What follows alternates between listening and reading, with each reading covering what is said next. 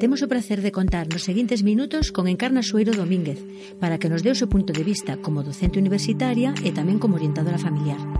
Con ela queremos saber como é a relación actual entre homes e mulleres.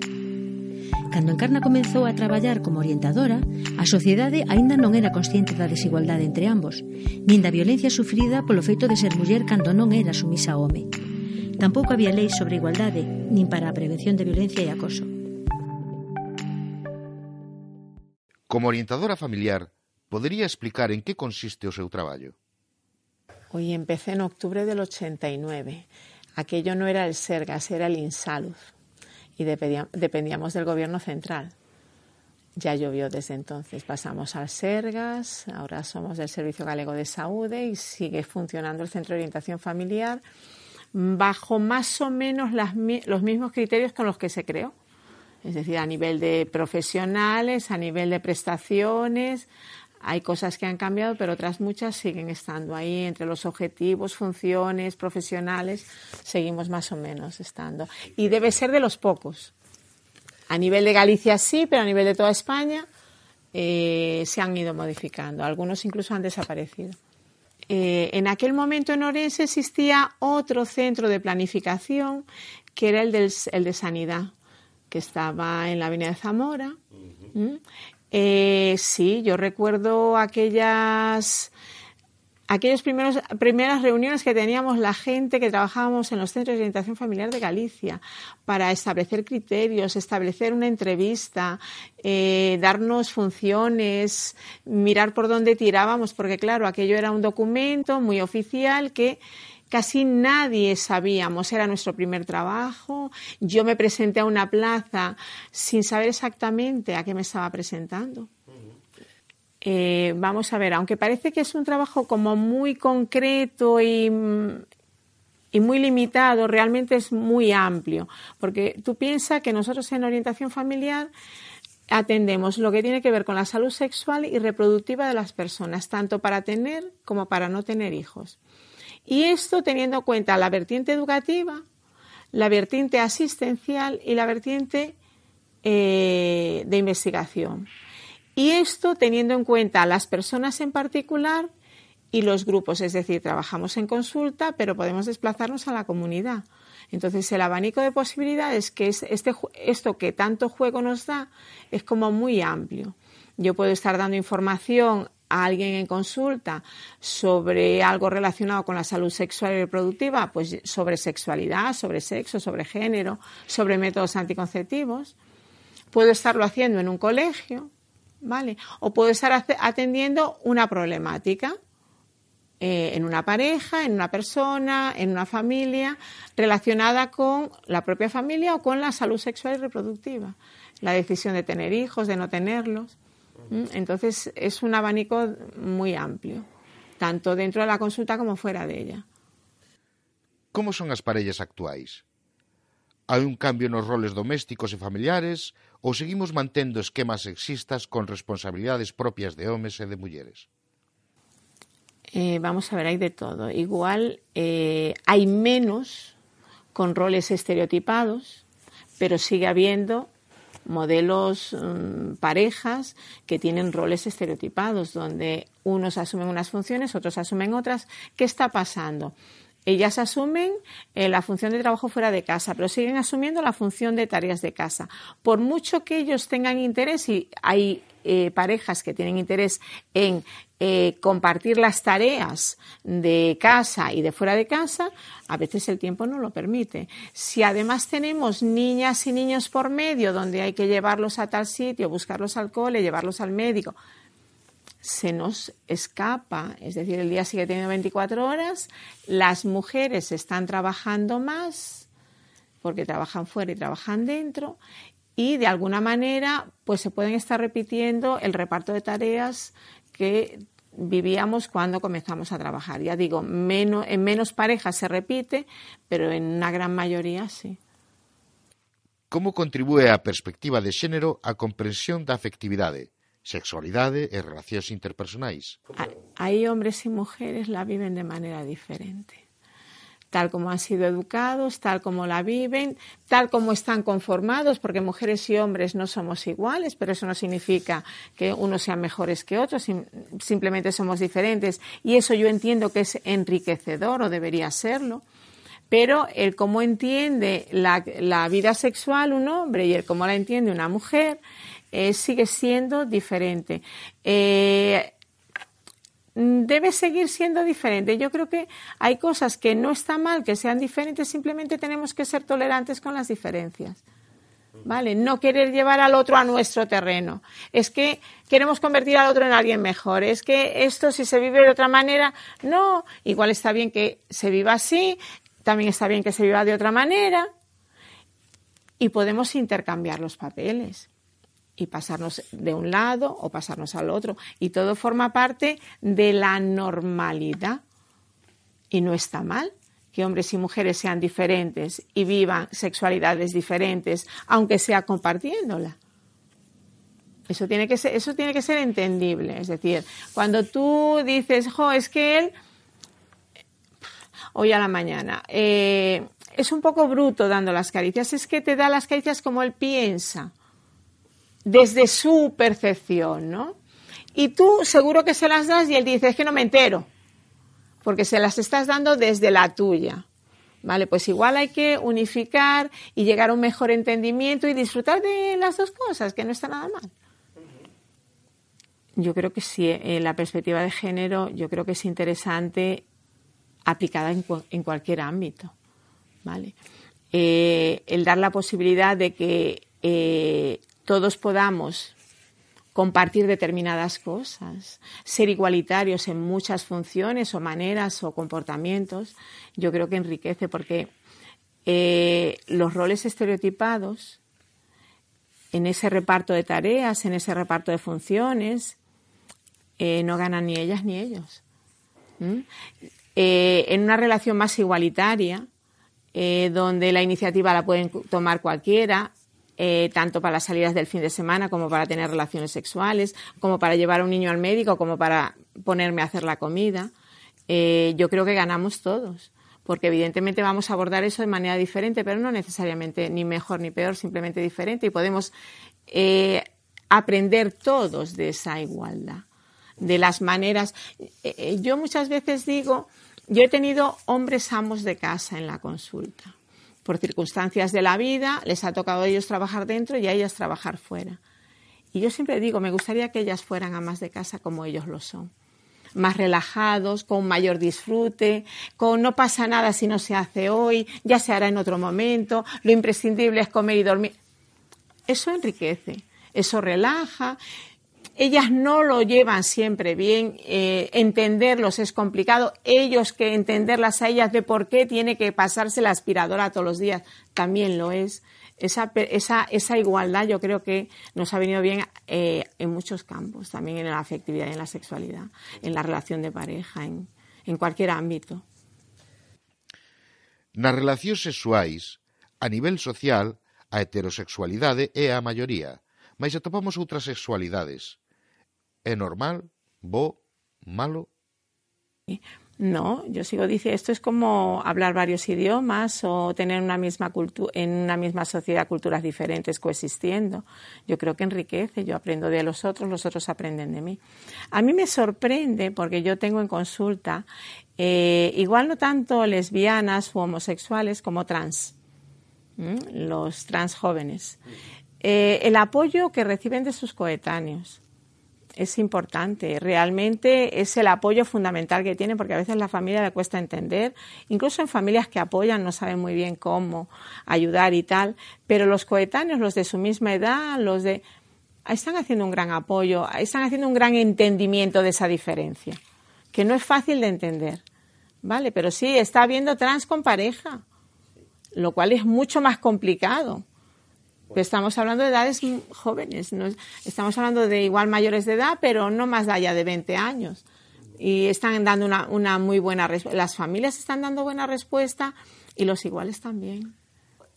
La posibilidad de la homosexualidad existe en la especie desde siempre. ¿Qué pasa? Hay sociedades más permisivas y menos. En las más permisivas se nota más que en las menos permisivas. Pero esa posibilidad la tenemos todos. Incluso los heterosexuales. La posibilidad de ser homosexuales. O de serlo en algunos aspectos de nuestra vida. Hay, hay mitos que todavía se mantienen. Los mitos del amor romántico, en algunos casos se mantienen. Eh, algunas conductas en gente joven todavía se mantienen. Es decir, mírate, eh, fíjate cómo van los chicos jóvenes y las chicas jóvenes de copas, quienes van con los zapatos en la mano el día de fin de año, quienes van de cualquier manera, porque cuando haces un estudio resulta que eh, los chavales dicen de ellas que van de putitas y ellas dicen de ellos que son poco higiénicos. Entonces, ¿por qué no les hace falta lavarse, asearse para salir a ligar? Porque la belleza se me supone, el atractivo también, o cuanto más, más oso, más hermoso, ¿no? ¿Sabes?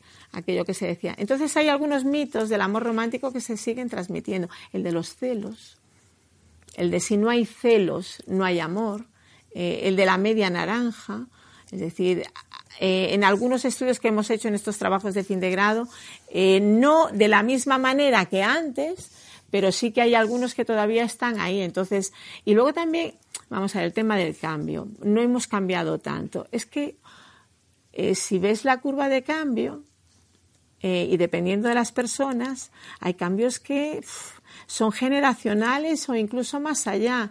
Eh, sacar la pierna de tu espacio de confort es muy complicado. En edades jóvenes donde son más vulnerables, más complicado todavía porque están más expuestos y tienen menos respuesta a esa exposición. Entonces sí puede haber una especie de contradicción de sí pero no. Es decir, saco la piernecita pero que no se me note mucho, no sea que vayan a pensar que yo también lo soy. ¿Mm? Eh, yo recuerdo alguna vez que los chavales en alguna de estas preguntas de cole me preguntaban, ¿por qué eh, las mujeres van siempre juntas al váter? En una discoteca, en un bar de copas y tal. Yo simplemente les pregunté, ¿y por qué los chicos no? El miedo a la homosexualidad está ahí, en las mujeres no se les supone, en los hombres sí. Entonces es más fácil que ellas compartan habitación, que vayan juntas a muchos, que lo hagan ellos por temor a, eso en el fondo sí, aunque yo pueda tener un amigo, pero Faltan medios para combater a violencia machista ou é un problema de formación en igualdade na sociedade? Vamos a ver, está claro que los recursos ayudan. Eh, ¿Se pueden hacer cosas sin recursos? Sí. Muchas cosas, sí. El docente tiene la habilidad de transmitir. Puede transmitir con las nuevas tecnologías o puede transmitir simplemente con la palabra. A veces con una pizarra y una imagen que yo haga en la pizarra puede ser suficiente. No hacen falta nuevas tecnologías, Internet para hacer grandes transmisiones de conocimiento. Podemos hacer, evidentemente, si tenemos el apoyo de la ley, ¿vale? Nadie nos va a decir ni nos va a meter en prisión porque hagamos determinadas cosas. Que podemos hacer cosas sin ese apoyo institucional si tenemos interés y consideramos que podemos, sí, no es necesario. A veces son voluntades individuales que van dando pequeños pasos y van haciendo cosas. ¿Mm? Evidentemente, si yo tengo un grupo de apoyo y hacemos cosas en común y en colaboración, eso va a ir mucho más adelante. Es imprescindible, es importante que exista, pero no es imprescindible. Es decir, yo en mi consulta, en mi reducto particular, yo puedo hacer cosas, aunque la institución no la tenga dentro de mis funciones yo tengo una capacidad de maniobra.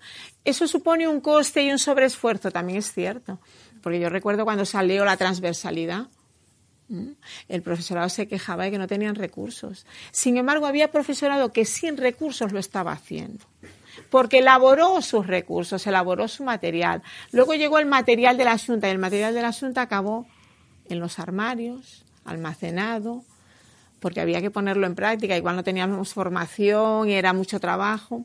Tenemos una ley de aborto del año 2010 que tiene una parte que se llama de educación afectivo-sexual que está sin desarrollar. La parte del aborto se desarrolla en función de cada provincia, de los recursos que cada provincia tenga y de los profesionales que en cada una haya. Es decir, no se dotó a esa ley con recursos específicos para su desarrollo, no. Se puso la ley en marcha con los recursos que en cada sitio había. La falta por desarrollar la parte afectivo-sexual, la de educación, que evidentemente sin la de educación no vamos a ninguna parte a todos los niveles, no solo con el tema del aborto, con el tema de la violencia, con el tema de salud, con el tema de la, igualdad, del mal, con todo. Todo pasa por esa educación.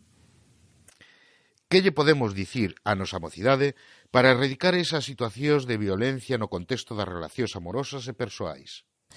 Vamos a, yo creo que hay un problema fundamental, pero nos ocurre a todos y es nuestra capacidad para decir no. Nos cuesta mucho un trabajo que se nos impone, unas horas en las que no debiera de estar trabajando. Este no nos cuesta decirlo. Y luego nos cuesta aceptarlo. ¿Vale? Entonces la gente joven debe entender que este no va a misa, venga de donde venga y en el momento que venga. Porque parece que si iniciamos algo no podemos cortarlo a mitad, aunque a mitad yo muchas veces le digo, vamos a ver, una comida empiezas a comer, notas que te has llenado, la dejas a mitad, ¿vale? Eh, empiezas a comer, notas que te hace daño, la dejas a mitad, ¿vale? Pues cualquier otra cosa la puedes dejar a la mitad, no pasa nada. Entonces, primero, el educar en el no. En el no ser igual, bueno, pues fulanita, menganita, ¿vale? Pues con el tema del alcohol ocurre más de lo mismo, la presión de grupo, ¿vale? Pues eh, eterna pregunta, eh, ¿cómo se sabe a qué edad eh, uno está preparado para o con quién uno está preparado. Yo creo que cada persona lo sabe. Que existe la presión de grupo de todos los demás, sí, yo no. No, yo, el derecho, aquí había una pregunta que decíais, eh, es normal. Cada uno tiene su normalidad, ¿vale? Y quizá tengamos que aprender que eh, esa normalidad es sagrada, la de cada cual. No es una normalidad estadística. ¿vale? La gente entra por consulta y, te dice cosas como, bueno, eh, lo que te voy a contar ya verás como no soy normal. Y yo digo, entonces eres como yo. ¿Vale? Nadie es normal, cada uno tiene su normalidad. Somos diferentes, bendito sea que somos diferentes. Bendito sea que la normalidad es solo normalidad estadística, que lo normal para ti es eh, hacerlo de esta manera, con esta frecuencia, de esta, en estas circunstancias, ¿vale? Pero eso no tiene por qué ser impuesto. Volvemos a la, a la diferencia de género, no tiene por qué ser impuesta a la otra persona del mismo sexo o de sexo diferente. Entonces, eh, tenemos que partir del no, de que el no existe.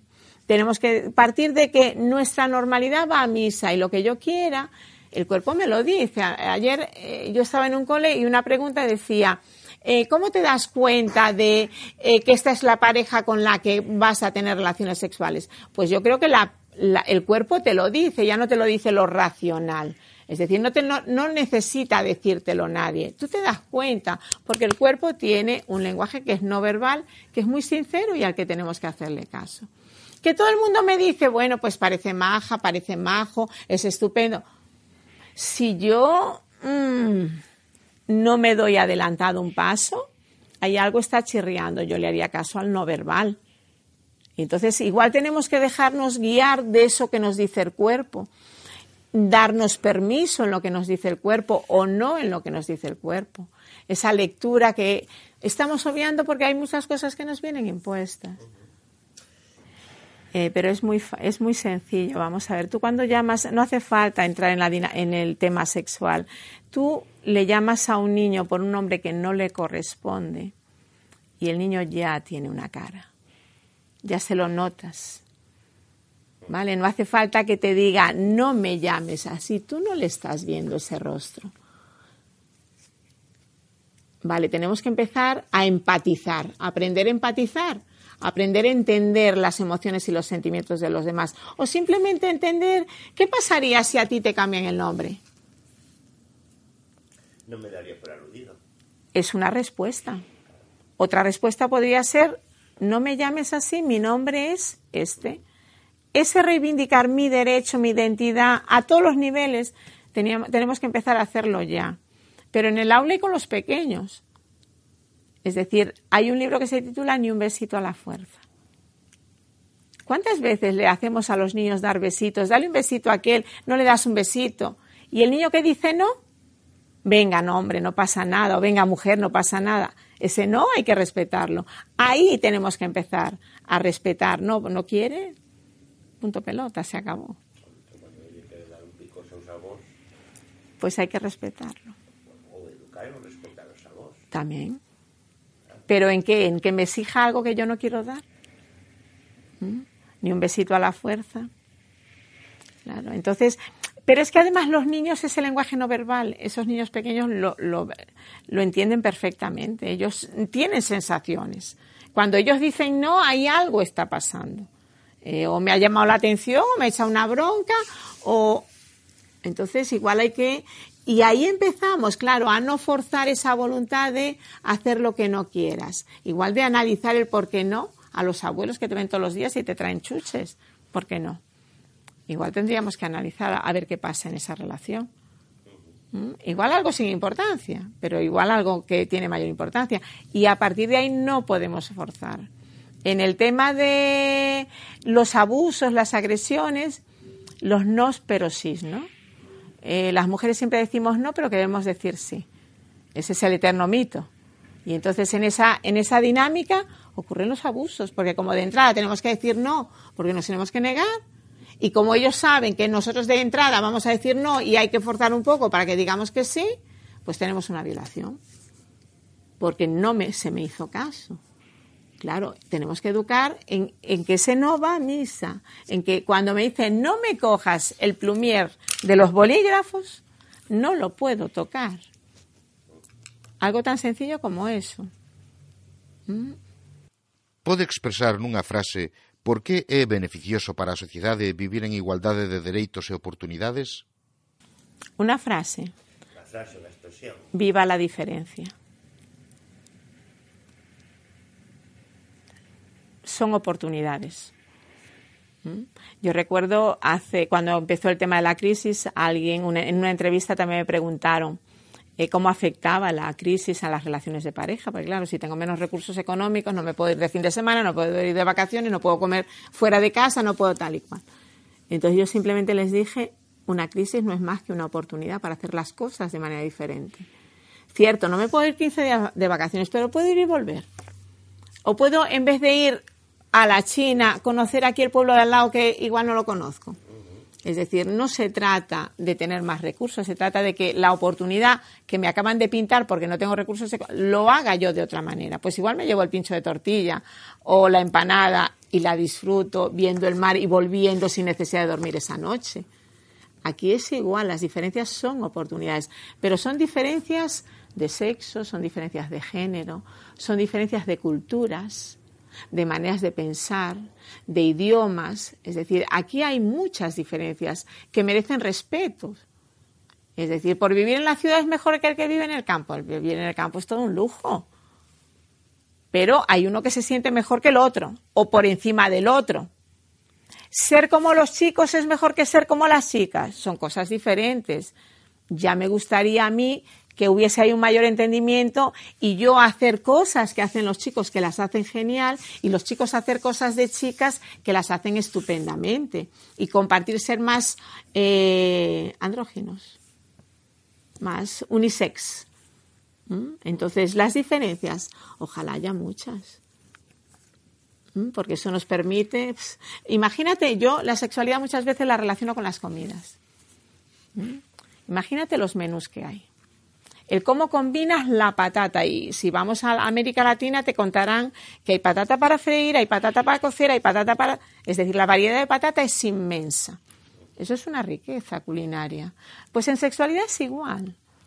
Es decir, la ca cantidad de conductas sexuales que puede haber, maneras de pensar y formas de hacer. Tantas como personas. Ojalá, ojalá viva esa diferencia, vivan esas oportunidades pues como las comidas. Los menús son diferentes, no comemos siempre lo mismo ni de la misma manera.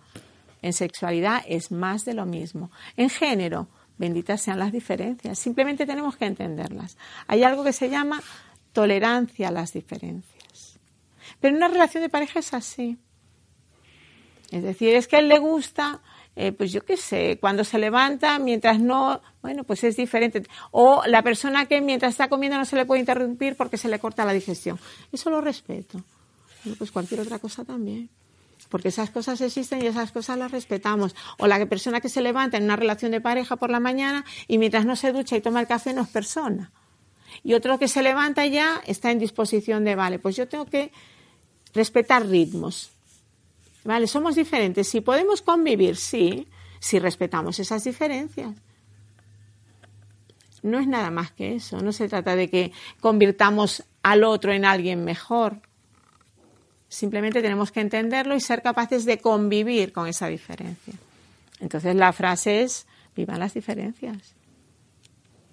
Hay campañas publicitarias donde utilizan la diferencia como eslogan, pero no la diferencia en frase, sino imagínate medios de transporte. Entonces aparecen los animales para, para vender un audio un Audi, no un Audi, un Audi. Y dices tú, fíjate cuántos diferentes. Y el Audi también lo es. Pero está el escarabajo, está el escarabajo animal, está el escarabajo, ¿vale? Están diferentes coches, diferentes, coches diferentes. Viva la diferencia. Y yo recuerdo una ilustración que decía algo así, era una viñeta que apareció en la región en algún momento, yo la tenía y la utilizaba en el aula. Eh, la idea era, quiero ser diferente como todo el mundo. Y yo tenía una jefa de servicio que nos mandaba correos electrónicos y los correos electrónicos tenían un pie de página, que era una frase de Caetano Veloso, que decía, de cerca nadie es normal. Piensa que yo trabajo en el servicio de psiquiatría, de salud mental, y está en una psiquiatra. Yo hace muchos años, es decir, yo siempre digo, eh, yo marco pautas, digo esto debería ser así, a veces es una dieta, a veces es una actividad física. Evidentemente la persona que está enfrente puede cumplirla o no. Eh, si no la cumple, yo, yo eso lo tengo que respetar. No me puedo cabrear y decir, oye, mira, no vuelvas aquí, no tiene sentido. No, yo seguiré insistiendo. Llegará un momento en que sí que le haré la reflexión de, vas a tener la sensación de que llevas un mes o medio año viniendo a consulta y que sigues igual. Pero que sepas que sigues igual porque no has hecho nada. Porque venir a consulta por sí solo no resuelve. Entonces esa reflexión sí que se la haré, pero seguiré respetando que no lo haga. Tiene derecho a no hacerme caso. Aunque venga con la intención de hacérmelo. Grazas por participar nesta idea de Escola Libre de Violencias Machistas, Educando en Valores, Educando en Igualdade, que é un proxecto de FAPA Orense As Burgas e subvencionado pola Secretaría Xeral de Igualdade da Xunta de Galicia.